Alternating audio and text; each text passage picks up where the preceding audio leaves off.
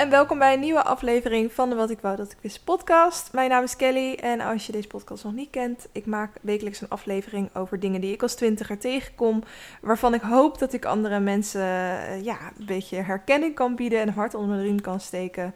Ehm, iets wat ik zelf wel uh, fijn vind in deze tijden waarin je toch wel soms wat twijfels hebt. Um, de aflevering van deze week gaat over uh, de dood. En nu denk je misschien gelijk, want Jezus, wat een heftig onderwerp. Ja, is het misschien ook wel, maar het is wel iets dat bij het leven hoort.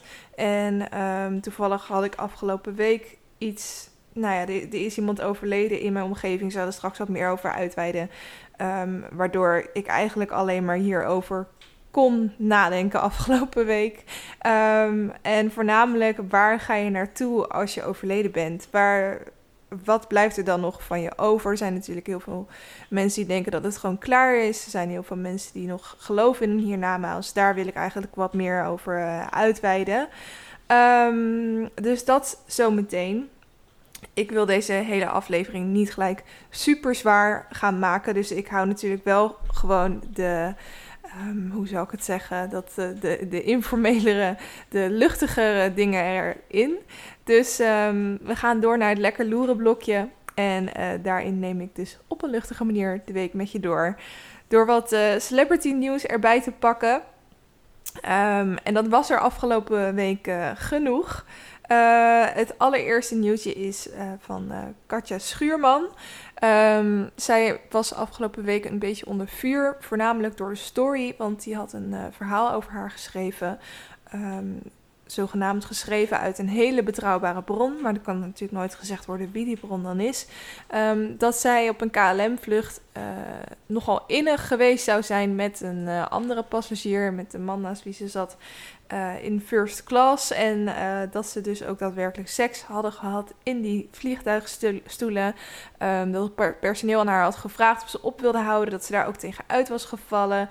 Uh, nou, dat ze zich gewoon ronduit slecht had gedragen. En um, nou ja, in nogal veel detail.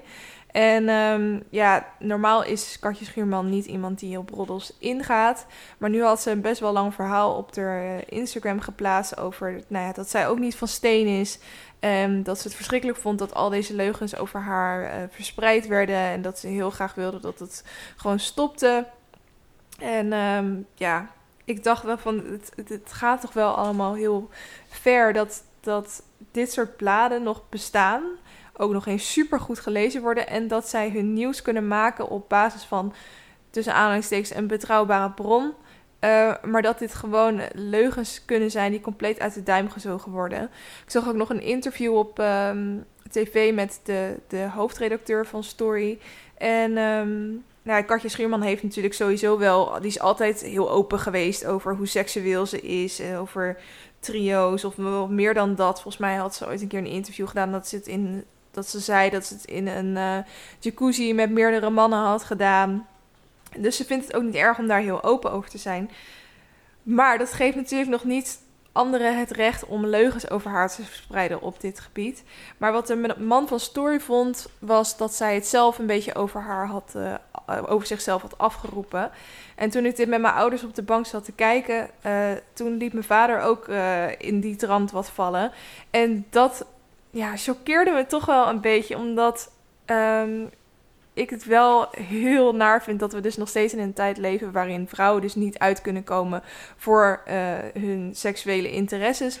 Omdat ze dan gelijk maar als er een keer iets gebeurt, alles over zichzelf hebben afgeroepen. Weet je, ook het idee dat je niet een te kort rokje moet dragen, want dan ben je slet en dan nodig je mannen uit om jou te verkrachten. Terwijl dan wordt de vrouw in de slachtofferrol geschoven en er niet naar de man gekeken. Het is zo'n omgekeerde wereld. En um, het zijn natuurlijk compleet verschillende situaties die ik nu schets hoor. Uh, dat wil ik zeker bij gezegd hebben. Maar um, ja, ik weet niet. Ik, ik, kan, ik kan daar gewoon nog niet tegen, tegen dit gedeelte van de samenleving dat zo reageert op dit soort situaties. Het frustreerde me echt enorm. Um, maar ja, goed dat Kartje Schuurman er wat heeft van heeft gezegd in ieder geval. En de storm is nu volgens mij al wel weer een beetje uh, gaan liggen in ieder geval. Um, dan nog iets anders. Uh, Adele uh, is natuurlijk altijd de, de, ja, toch wel de, de vrouw in de artiestenwereld geweest die denk ik het meest van alle succesvolste vrouwelijke artiesten was zij wel het meest fors, denk ik. En daarmee was ze ook wel een, een soort uh, rolmodel voor veel meiden, denk ik. Um, uh, en het wordt natuurlijk ook een soort van feature waar mensen je aan gaan herkennen en uh, waar mensen op letten. Dus afgelopen maanden um, is Adele niet zo heel actief meer geweest op social media. Um, ik denk dat ze gewoon überhaupt niet veel meer in shows is geweest of zo. Ik weet niet precies wat het is, maar in ieder geval waren er pas foto's van haar, of nou ja, de afgelopen week foto's van haar naar buiten gekomen, waarin zij dus heel erg is, is afgevallen. Ze heeft uh, echt een compleet ander figuur gekregen. En er werden dus uh, twee foto's naast elkaar getoond uh, van hoe ze was en hoe ze nu is. En heel veel gechoqueerde tweets en nieuwsberichten. Gaat het wel goed met Adele? Um, is ze niet uh, te dun aan het worden? Nou ja, ik moet eerlijk zeggen. Um, het is natuurlijk omdat die ene foto van vroeger ernaast stond, dat je denkt dat je zo'n drastisch verschil ziet, dat je gelijk denkt dat er iets heftigs aan de hand is. Maar als je alleen de foto ziet van hoe ze er nu uitziet, dan denk je dat het is gewoon een hartstikke gezonde vrouw, zo te zien. Je weet natuurlijk nooit precies wat er uh, aan de hand is. Maar um, ja, ik denk dus dat ze gewoon een ander e-patroon heeft aangenomen. Uh, gezonder is gaan, gaan leven, meer is gaan sporten. En dan krijg je gewoon een ander figuur. Dat is het nou eenmaal. Um, ik hoop niet dat ze het heeft gedaan onder druk van de artiestenwereld. Ik denk het niet, want daar zit ze zelf al zo lang in inmiddels. Uh, ik vond het eigenlijk heel goed staan, het figuur wat ze hiervoor had. Ziet er nu ook heel goed uit. Ze doet me nu een beetje denken aan Kate Winslet uit um, The Holiday. Weet je, dat ze, ze gaan switchen van huizen. Ze lijkt daar nu een beetje op, op, die, op hoe Kate Winslet in die film was. Ook heel mooi. Um, maar ja, je moet je foto's maar eens opzoeken van de before en after, uh, zeg maar. Um, ik vond het wel, het is echt, echt wel een groot verschil. Dat moet ik wel echt toegeven. Dus ik, uh, ik ben benieuwd wat jij ervan vindt. Um, en tot slot, nee, nog niet tot slot. Ik heb hier nog uh, eentje. vanmiddag was er een, wacht, ik doe eerst die ander. Uh, ik, wil het nog even over het Songfestival hebben. Ja, dit, dit, wordt natuurlijk een ding dat elke week weer terugkeert. Want de, ja, het Songfestival gaat in Nederland plaatsvinden, in Rotterdam. Um, betekent niet dat wij zelf natuurlijk geen inzending kunnen hebben. Uh, wij gaan zeker ook uh, een act toesturen naar het Songfestival. En de vraag is natuurlijk wie dat dan aankomend jaar gaat zijn. Nou was er een radio-dj en die had um, de eerste letter verklapt. Hoe hij dat wist, ik heb geen idee. Maar hij zei in ieder geval, de Songfestival act van dit jaar begint met een J. Nou, iedereen duikt daar natuurlijk op. Iedereen is gaan zoeken naar een artiest, uh, misschien nog wat onbekendere artiest, net als Duncan Lawrence vorig jaar, die uh, dit zou kunnen zijn. En er zijn nu meerdere betrouwbare bronnen. Nou, daar komt hij weer, dus je weet het absoluut niet zeker. Maar uh, elk nieuws, nieuwsorganisatie heeft hier al over geschreven. Um, dat het dus Jordan Roy zou zijn. Misschien gaat dat niet direct een, doet dat niet direct een belletje bij je rinkelen. Maar hij heeft met uh, X-Factor meegedaan en met The Voice of Holland volgens mij. En de ene had hij uh, wit geblondeerd haar en de andere bruin haar. Om het nog even wat verwarrender te maken.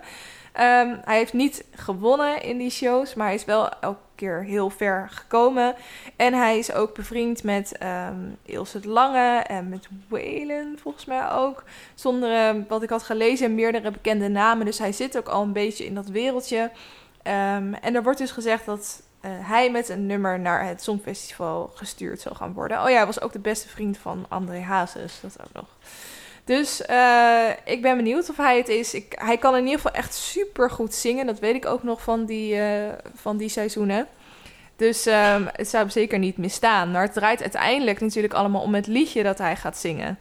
Dus daar ben ik vooral heel benieuwd naar. Want ik, ja, dat nummer van vorig jaar gaan we gewoon nooit meer toppen, denk ik. Zeker niet het, gelijk het jaar erop. Maar ja, je weet het niet, hè. Wie weet zou het wel. Ik vraag me af of dat kan trouwens. Want stel dat we nu weer zouden winnen is het dan volgend jaar weer in Nederland? Kan dat überhaupt? Ik denk dat het gewoon nog nooit gebeurd is hoor. Dat ze daar nog nooit iets voor uh, bedacht hebben überhaupt. Maar uh, misschien ook wel. Uh, en dan tot slot iets dat vanmiddag was gebeurd. ik was op werk en iemand zei opeens... holy shit, wat heeft Femke Louise nou, nou weer gepost? Dus ik ging naar haar Instagram kanaal en er stond een foto... dat zij um, tussen allemaal ja, hoe moet ik het zeggen? het was een soort markt marktidee. Dus stel je gewoon een soort plein voor met marktkraampjes. Maar in plaats van marktkraampjes lagen er allemaal wasberen op de grond. Met daarachter dus auto's waar mensen in zaten die dus die wasbeertjes verkochten. Of in ieder geval het dons voor een bontjas. En er stond ook zoiets bij van welk bondje zal ik nemen? Nou, je bent totaal geschift als je dit post. Maar toen dacht ik ook later wel van... Ehm, toen ik verder las, want er stond ook in een hashtag zoiets van dat er nieuwe kledinglijn uitkwam of zo. Ik dacht, dit is gewoon een keiharde publiciteitsstunt voor die kledinglijn van haar. Dat kan niet anders. Ehm, dus eigenlijk dachten wij allemaal dat ze die foto dus gewoon zou laten staan. En dat ze morgen dan met een statement naar buiten zou komen van... Uh, jullie dachten allemaal dat ik serieus was, maar dat is dus niet zo. Ik, ik, breng een nieuwe kledinglijn uit uh, die tegen dierenleed is. En alles zal vegan zijn. Nou ja, zoiets had ik eigenlijk verwacht. Maar uh, eigenlijk is de foto binnen een uur al verwijderd van haar Instagram. Wat mij toch doet vermoeden dat zij iets aan het verbergen is. Anders doe je dat niet. Als het een publiciteitsstunt is, laat je hem denk ik staan. Maar goed, inmiddels, als jij dit luistert, um, is, het misschien, is er misschien al meer over naar buiten gekomen. Dit is het enige wat ik op dit moment weet ja, het, het zou alsnog een publiciteitsstunt kunnen zijn. Want ze weet natuurlijk ook wel dat, ook al staat dit maar een uurtje online, dat alle nieuwsmedia dit oppikken. Een artikel over schrijven, suggereren dat het te maken heeft met de kledinglijn die uitkomt. En tada, daar is je promotie. Ik heb geen idee, maar ik, ja, ik hoop eigenlijk gewoon dat het een publiciteitsstunt is en dat ze dit niet serieus meent. Um, ze is ook wel eens eerder uitgeroepen tot dom bondje. Dat zo'n verkiezing is voor mensen die dus uh, ja, bond dragen, klakloos blond dragen, zonder dat daarover na te denken. Of nou, überhaupt gewoon het feit dat ze dat doen. Um, daar ze, kan je dan dus voor uitgeroepen worden. Dat heeft volgens mij meerdere keren gewonnen. Dus dan ga je zoiets toch niet doen, toch? Nou ja, ik heb geen idee. Ik ben benieuwd hoe dit afloopt en wat jij misschien nu al meer weet dan ik. Dat was het voor het lekker loerenblokje. Dan gaan we naar het LKL'tje, waarin ik je lees, kijk en luistertips geef. Uh, de leestip is uh, het boekenclubboek van deze maand. En dat is The Rosie Project. Ik merkte dat ik in de afgelopen aflevering elke keer de, The Rosie Project op zijn Engels zei. Maar mijn boek heet gewoon Het Rosie Project op zijn Nederlands. Ik ben hem in het Nederlands aan het lezen. Ik had hem van een vriendinnetje geleend. En uh, zo goed had ik niet naar de titel gekeken. Hij is er dus in allebei de talen, logisch. Um, en ja, ik ben nog niet heel ver. Ik ben nu bij hoofdstuk 3, denk ik. Maar ik uh, merk al wel de, de schrijfstijl en de, ja, de, het hoofdpersonage, hoe die een beetje in elkaar zit. En dat fascineert me gelijk enorm. Het is echt super interessant om uh, ja, vanuit het hoofd van een autistische man mee te kijken. En um, ja, ik, ik, merk, ik weet van mezelf dat uh, we zitten nu op de helft van de maand. Nou ja, nee, nog niet eens. Maar we zitten nu op een deel van de maand. En ik denk dan, oh, ik lees echt niet snel genoeg. Want we zitten dan dus ook in een chatgroepje. Ik heb een chatgroepje aangemaakt voor deze, deze maand van de boekenclub. Um, als je daar nog bij wilde, hij zit helaas vol. Dus je kan me wel een berichtje sturen dat ik je op de wachtlijst zet. Als, als er iemand uitgaat, dat ik je kan toevoegen. Maar ik zit al aan max, want je kan maar op Instagram 35 mensen toevoegen. Um, maar daarin wordt er dan dus wel eens gegooid van... en hoe ver zijn jullie? En dan denk ik altijd, oh, ik ben nog helemaal niet zo ver. Maar ik weet van mezelf dat um, hoe meer bladzijden ik lees... hoe, dus hoe verder ik in het boek kom... hoe uh, exponentieel sneller ik ook ga lezen. Dus meestal aan het eind lees ik opeens 100 pagina's in een dag of zo. Dus dat komt sowieso wel goed. Um, maar ik zit er dus nog niet uh, heel diep in op dit moment. Maar ik ben er dus wel, wel heel enthousiast over... Uh, maar goed, de, de officiële recensie komt dus aan het eind van deze maand. Um, dan de uh, kijktip. En de kijktip is een uh, driedelige documentaire op Netflix. En nou, hier gaat het echt al de hele week over. Het begon ermee dat mijn vriend hem zat te kijken. En toen zei ik, wat ben je in godsnaam aan het kijken? En toen zei hij, ja, het gaat over een um, man die, um, een man die katten, katten vermoordt. Ik, oh, nou oké, dat ga ik dus niet kijken. En verder was ik, had ik er niet zo erg mee op gelet. Totdat mensen op mijn werk allemaal zeiden van... Oh, heb je dit gezien? Heb je Don't Fuck With Cat gezien? Je moet het kijken. Toen zei ik, ja, dat gaat toch over die katten die vermoord worden? Ja, ja, nou je moet het gewoon kijken. Ik ga niet meer vertellen dan dit. Je moet het gewoon gaan kijken. Nou, dat heb ik dus uh, gedaan. Gisteren twee afleveringen gekeken, vandaag nog eentje. En het is echt, echt je hoofd gaat gewoon alle kanten op. Je wordt gewoon non-stop gechoqueerd.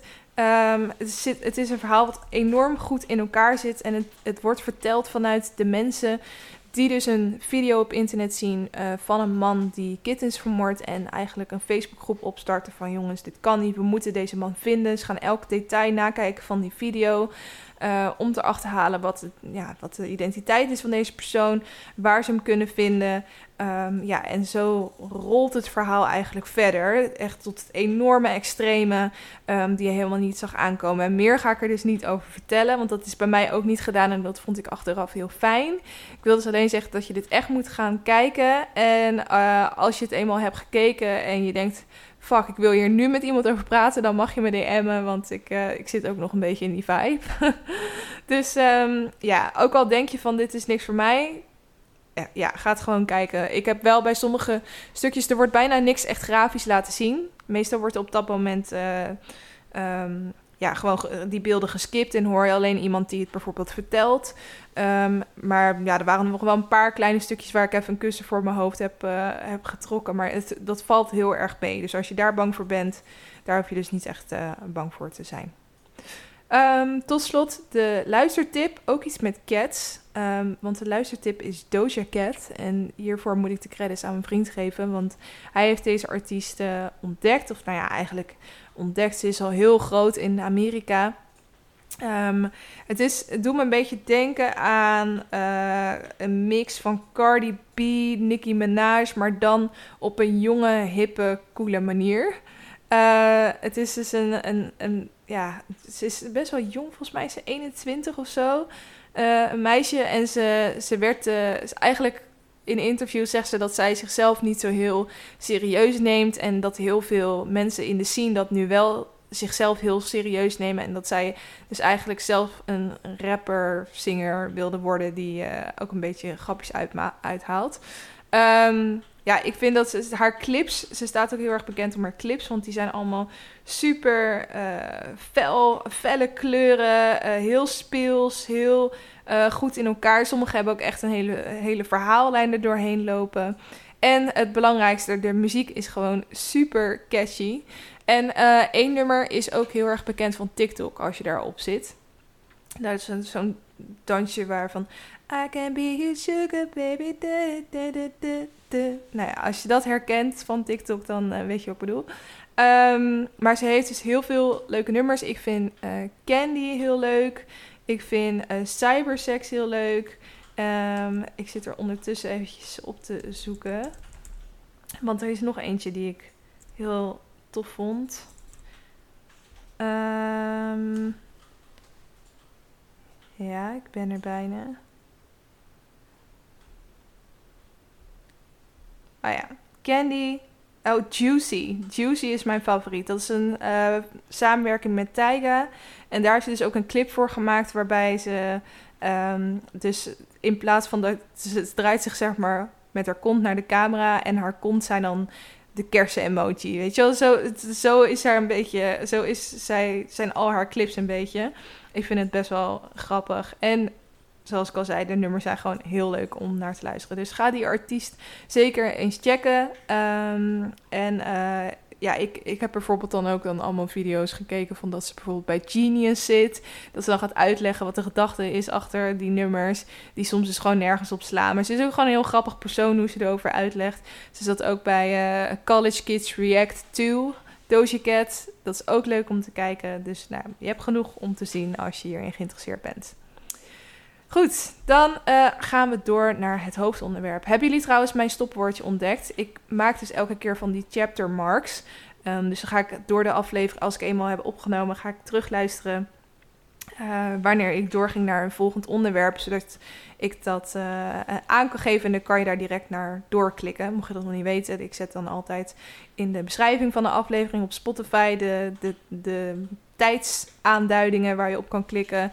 Um, en als je in een podcast-app zit, dan kan je ook soms op chaptermarks klikken. En dan kan je gewoon eens naar een volgende skippen. Uh, maar daarvoor moet ik dus mijn eigen aflevering uh, terugluisteren. Wat ik überhaupt wel heel vervelend vind om te doen. En dan hoor ik dus dat elke keer als ik naar iets nieuws doorga, dan begin ik met. Goed, dan gaan we nu. Puntje, puntje, puntje.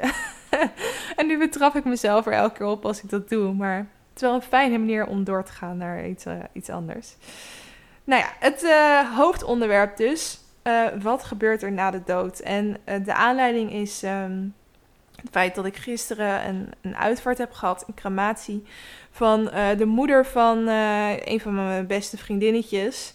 En um, ja, dat, dat was natuurlijk best wel heftig, omdat haar moeder nog helemaal niet had moeten gaan. Dus haar moeder is nog hartstikke jong was hartstikke jong. Um, afgelopen zomer hoorde ze dat ze uh, kanker had. En dat het ongeneeslijk was, dat hoorde ze later. En um, ja, dat heeft dus een half jaartje maar geduurd. Ze kreeg eigenlijk veel korter.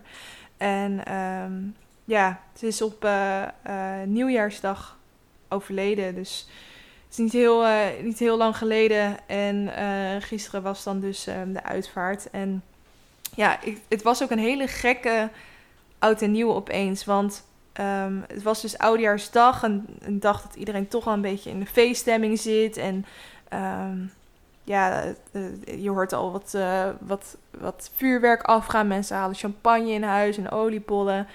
En toen hoorde ik dus dat uh, haar moeder in slaap was gebracht. Omdat het zo slecht ging en ze zoveel pijn had. En een half uur later kreeg ik een berichtje van mijn nichtje. Dat zij was bevallen van haar eerste dochtertje. En ik, met die zwangerschap had ik in mijn hoofd ook heel erg meegeleefd. Omdat uh, zij van de familie het jongste nichtje is na mij. Ik ben de allerjongste. En uh, het ook nog eens haar eerste kindje was. Dus het was heel gek om, dat, om die twee berichten opeens na elkaar te krijgen. En dat, dat zet je best wel aan het denken over het leven en over de dood. Hoe de een overlijdt en de andere dan alweer geboren wordt. En natuurlijk ook over gezondheid en over ziekte en over rechtvaardigheid, eerlijkheid. Waarom mag de een bijvoorbeeld op zijn honderd, honderdste rustig in slaap overlijden en moet de ander veel te vroeg overlijden door kanker? wie bepaalt dat? En ook over een goed mens zijn. Waarom gebeuren de slechte dingen niet altijd alleen maar bij slechte mensen? En waarom worden goede mensen, uh, wat deze vrouw echt, echt, echt was, zo hard uit het leven gerukt? Niemand heeft daar natuurlijk een verklaring voor. Maar in het dagelijks leven sta je bij dit soort dingen niet zo heel vaak stil. En, en als dan zoiets gebeurt, dan word je echt even op de rem gezet. En um, ja, ga je daarover nadenken. Ik vind, uh, ik vind het gewoon heel raar. Heel onwerkelijk. Ik weet niet. Een week geleden was deze vrouw nog op deze aardbol. En gisteren stond ik opeens voor haar kist, mand. Uh, zodat ze wilde heel graag begraven worden of um, gemeerd worden of neergelegd worden in een mand. Um, en ja, ik vond dat gewoon zo'n onwerkelijk moment om te beseffen dat deze vrouw eerst nog op aarde was en nu niet meer. Want waar is ze dan nu heen? Je kan toch niet in een splitseconde opeens compleet verdwijnen? Waar ga je heen na de dood?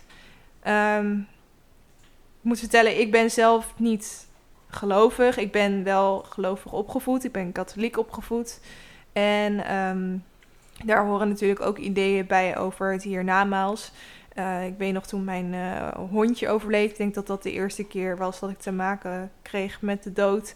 Um, dat mijn moeder zei dat uh, dat hondje nu naar de hemel was gegaan. En daar zo aan het rondrennen was met allemaal vriendjes. En um, alleen maar plezier had. Um, ook als het toen later een opa of een oma overleed, vertelde mijn moeder dat ze naar de hemel gingen. En ik stelde me dat dan heel magisch voor, weet je wel, op de wolken. Als je naar boven kijkt, als je wel eens op vakantie bent gegaan en je, je vliegt dan met het vliegtuig door de wolken heen. Dan ziet het eruit alsof het watten zijn. Alsof je het echt kan aanraken en dat je er, erin kan rollen. Een soort donse dekbed. En ehm, ik zag me dan voor me dat ze daarop allemaal aan het rennen en, aan het spelen waren. En dat de zon daar altijd scheen. En dat iedereen altijd lachte. En dat mijn opa daar aan het spelen was met mijn hondje. En dat later mijn opa en oma in de hemel herenigd waren. En daar voor altijd samen verder leefden. En ja, ik vind dat nog steeds een hele mooie gedachte. En ik denk er ook nog steeds graag zo over. Maar ja, of het zo is, ik heb letterlijk geen idee.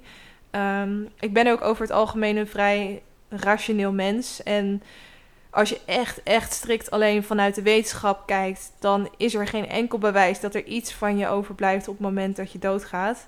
Wetenschappers geloven dat op het moment dat jij je laatste adem uitblaast, dat je dan weg bent. Als je lichaam er niet is, dan ben je er niet meer. Maar ik denk dan, hoe zit het dan met je ziel? Want ik geloof wel dat er iets, zoiets bestaat als een ziel. En ehm, niet misschien omdat me dat deels vanuit het geloof vroeger is bijgebracht. Um, je lichaam, je geest en je ziel. Ehm, maar ook omdat, en dat is misschien niet heel anders hoor, maar dat je vroeger programma's op tv had zoals Char en Derek Ogilvie. En dat waren mensen die dan andere mensen die een, een dierbare misten. Uh, in contact brachten met die overledene. En ik keek dat wel eens en nou, dan waren mijn oren echt aan het klapperen. Ik kon mijn ogen gewoon niet geloven dat dit wat ik allemaal zag. Het kon toch niet anders dat deze mensen dan toch nog ergens leefden. Hun ziel, hun geest, hoe je het ook wilt noemen. En um, het, ja, ik, er waren zo ontzettend veel verhalen en zoveel dingen die die man dan niet kon weten. En hoe hij dan, of vrouw, uh, in het geval van Char, en hoe hij dan ook zei van, nou, ik voel de energie van je moeder hier. Volgens mij was het zo en zo'n vrouw. Ze zegt me dat ABC. En die, die vrouw in het publiek begint direct te huilen, want dat is herkenbaar, want ABC. Um, ehm, ja, en ik vond het ook heel mooi om naar te kijken. En als je iets heel mooi vindt, dan wil je er natuurlijk ook heel graag in geloven. Um, en er waren ook programma's dat mensen geesten in hun huis hadden. Dat, dat, dat dan iemand, ik weet niet hoe dat heette, maar dat, dat dan iemand ook naar dat huis toe ging en aanvoelde van, oh ja, ja, er zit hier inderdaad een kwade of een goede geest. In veel gevallen was het ook gewoon een hele goede geest die niets kwaad wilde doen. En dan uh, gingen ze contact zoeken met die geest. En um, ja, soort van communiceren daarmee. En dan was het op een gegeven moment weg of zo. Ik weet het niet eens meer hoe dat ging. Maar ik weet wel dat ik het vol fascinatie keek. En ze bepaalde bewijzen en verhalen hadden die ik best wel aannemelijk vond. En inmiddels ben ik dan, dan wel ouder en minder naïef. En ik snap dat al deze dingen waarschijnlijk compleet in scène zijn gezet. Maar ik denk dan toch, is er dan echt niks tussen leven en dood? Nou, ik weet het niet hoor. Ik, uh, ik denk ook wel eens aan het verhaal van Gordon. Het was een programma waarin hij vertelde over het overlijden van uh, zijn moeder. En um, de uitvaart van zijn moeder. En ik weet nog dat hij dat met droge ogen zat te vertellen. En dat hij opeens echt gewoon compleet opbrak. En toen uh, vroeg, uh, volgens mij was Peter van der Vorst die hem interviewde. Die vroeg ze van, wat, waarom, waarom moet je nu huilen? En um, toen zei hij van, ja, de, mijn moeder was gek op vlinders. Die had ook overal vlinders in haar huis hangen. Die was gewoon gek op vlinders. En uh, met de uitvaart uh, um, vloog er opeens een, een, een vlinder binnen. En uh, dat vond ik toen zo bijzonder. En volgens mij was het ook nog tijdens dat interview dat ze dit hadden. Dat weet ik niet 100% zeker. Misschien heb ik het nu mooier gemaakt in mijn hoofd. Maar ik dacht dat het zo was dat er ook op het moment dat zij dat interview hadden, dat er dus een vlinder binnenvloog. En dat werd toen ook zo gefilmd. En toen dacht ik, nou, dit, dit, dit kan toch niks anders zijn dan dat. Hoe kan toeval bestaat toch niet op zo'n manier? En als het wel toeval is, hoe cruel is dat dan? Ik weet niet, ik, ja, dat, dat, er zijn altijd, je, kent vast ook wel verhalen van mensen die je kent die zoiets hebben meegemaakt met eigen overledenen, eigen dierbaren.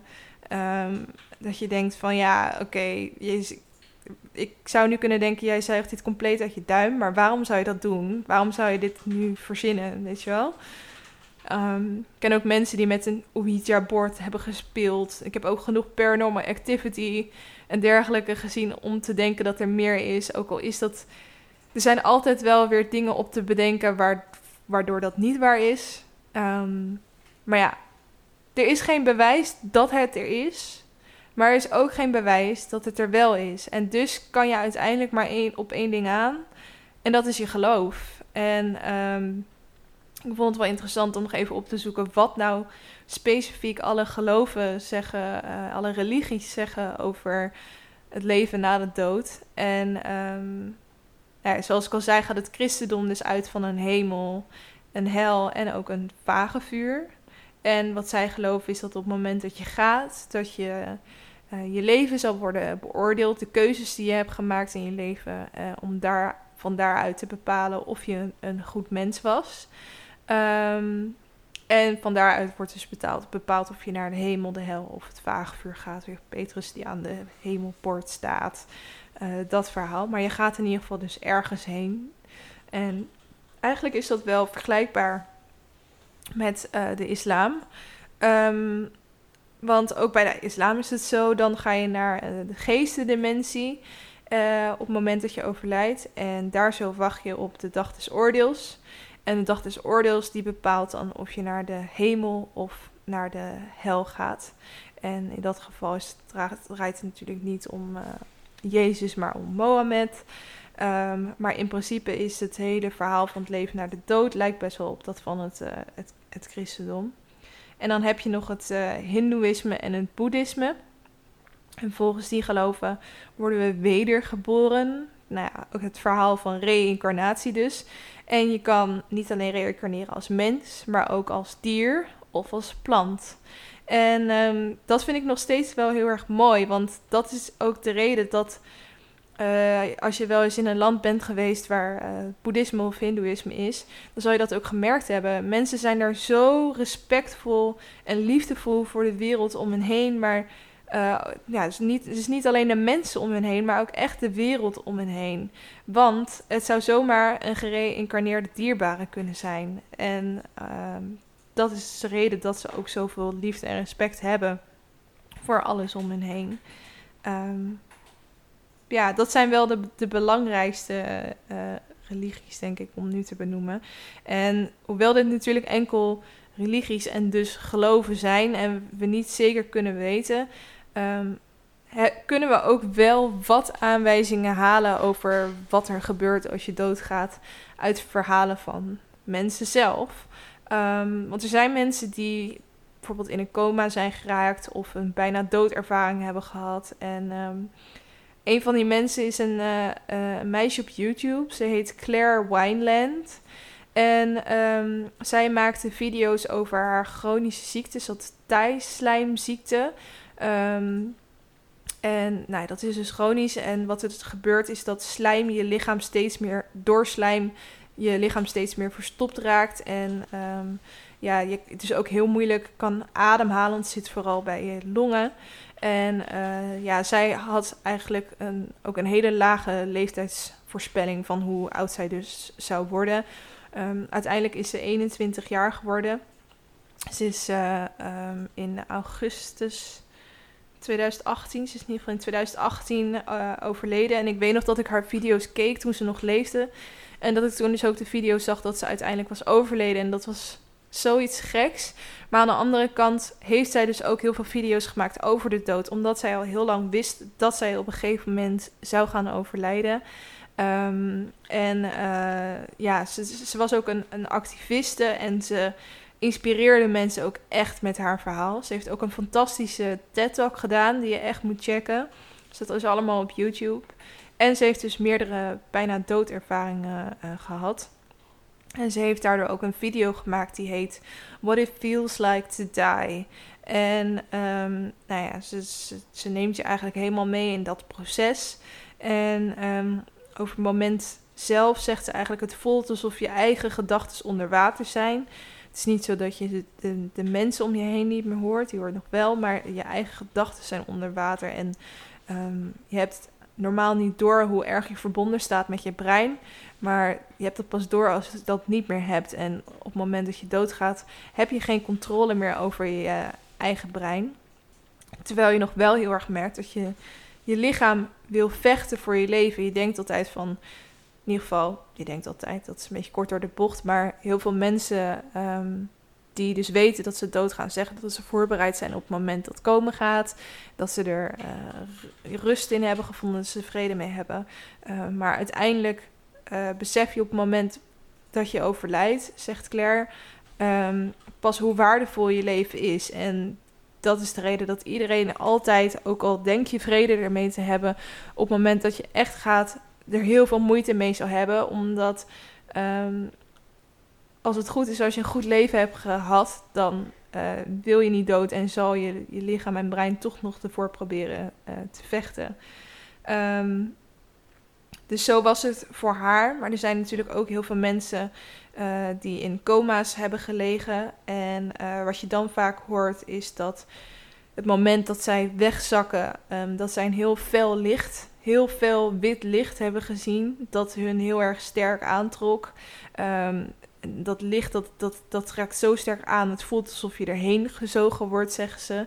En um, dat heel magisch voelde. Echt heel, heel mooi. Echt het, het, toppunt van schoonheid, dat is dat punt. Um, en uh, dat is dus in hun ogen de hemel. En dat vind ik dan ook wel weer heel mooi. Heel veel mensen zien dit dan ook als een stukje bewijs voor uh, het bestaan van de hemel. En dat, dat hoeft het natuurlijk niet per se te zijn, maar het is wel mooi om te geloven, vind ik.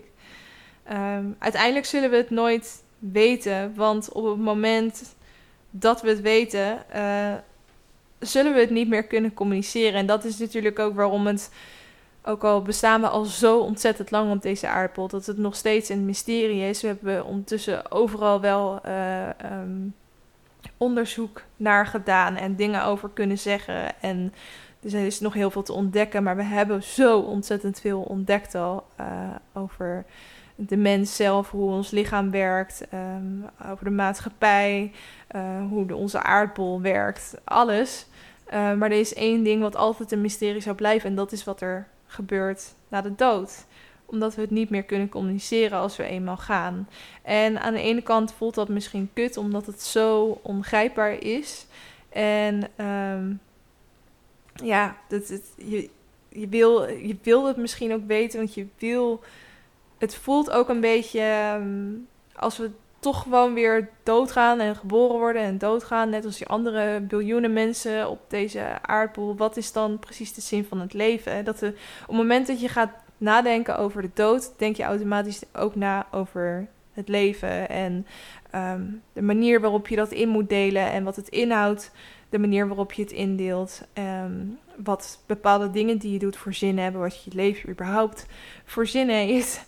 Um, en je kan daar al heel snel verzonken in raken. Maar ik denk dat het ook belangrijk is om aan de andere kant niet te denken aan de impact die jij maakt op deze wereld. Niet denken van, ach, ik ben toch maar een stipje op deze mini-aardbol. Een organisme dat uh, op een gegeven moment vergaat. Um, ik denk niet dat je zo moet denken over jouw leven. Dus de impact die jij maakt op die enorme aardbol. Maar aan hoe waardevol jij jouw eigen leven kan maken. En de impact die jij op jouw naaste kan maken. En uh, manieren om jezelf trots te maken om een leven te creëren waar jij ontzettend veel plezier uit haalt, um, waar je andere mensen blij mee maakt, waardoor je jezelf weer blij maakt, um, waardoor je trots bent en nou, wat, wat waarde dan ook voor jou mag betekenen. En dat is denk ik waar het echt om draait. Je bent dan misschien maar een klein stipje op de aardbol, maar voor je eigen omgeving ben jij zo'n ontzettend belangrijk stipje en dat is uiteindelijk belangrijk iets wat ook um, in alle speeches die ik gisteren heb gehoord met de uitvaart voorbij kwam, was ook dat deze vrouw die overleden is zo ontzettend blij, verrast was door alle steun die ze kreeg tijdens haar ziektebed. En dat zij toen pas besefte hoeveel mensen er eigenlijk om haar gaven. En um, iemand zei ook in een van de speeches van uh, dat wat zij eigenlijk heel haar leven had gegeven aan anderen, liefde en respect, dat kreeg ze nu dat zag ze nu opeens letterlijk terugkrijgen. Dat, dat kreeg ze opeens dubbel en dwars van hun allemaal uh, terug. En dat ontroerde haar heel erg, wat ik me heel goed kan voorstellen. En ik denk dat we daar allemaal een hele mooie les uit kunnen halen. En daar wilde ik dan ook mee uh, afsluiten. En uh, ja, deze aflevering, dit verhaal ook een beetje in naam van haar maken. Want was ook echt een fantastische vrouw en moeder voor lieve vriendin van mij. Dus uh, ja. Um, dat was mijn verhaal weer voor deze week. Ik, ik, ben zoals altijd heel erg benieuwd hoe jij erover denkt. Misschien ben jij ook wel een naaste verloren. Of dat nou je huisdier was. Wat ook ontzettend pijnlijk kan zijn, weet ik uit ervaring. Um, misschien je moeder, je oma, je opa, ik weet het niet. Maar um, ja, ik hoop dat, dat dit verhaal je wat. Waarschijnlijk is je nul antwoorden gegeven, want ik heb net zo weinig antwoorden als andere mensen. Uh, maar geeft in ieder geval steun dat, dat iemand er misschien ook zo over nadenkt. Of of daarmee bezig is. En uh, zoals altijd mag je me ook een uh, DM sturen op Instagram. Wat ik wou dat ik wist podcast. Um, ik vind het geen probleem om nog even hierover na te praten. Um, ja, dat was het voor deze week. Ik ben er volgende week weer. En wil ik daar verder nog iets over zeggen? ik ben nog steeds bezig met mijn maand vegan eten. Uh, dus alle tips daarvoor zijn ook nog steeds welkom. Lekkere recepten. Ik zoek nog steeds iemand die ik wil interviewen. Ik heb al wel wat opties gekregen, maar dan moet ik nog eventjes iemand uit kiezen. Um, dus dat komt er hopelijk nog aan. En ja, dat is het wel, denk ik. Oké, tot volgende week. Ik wens je weer een uh, topweek toe. Oké, doei doei!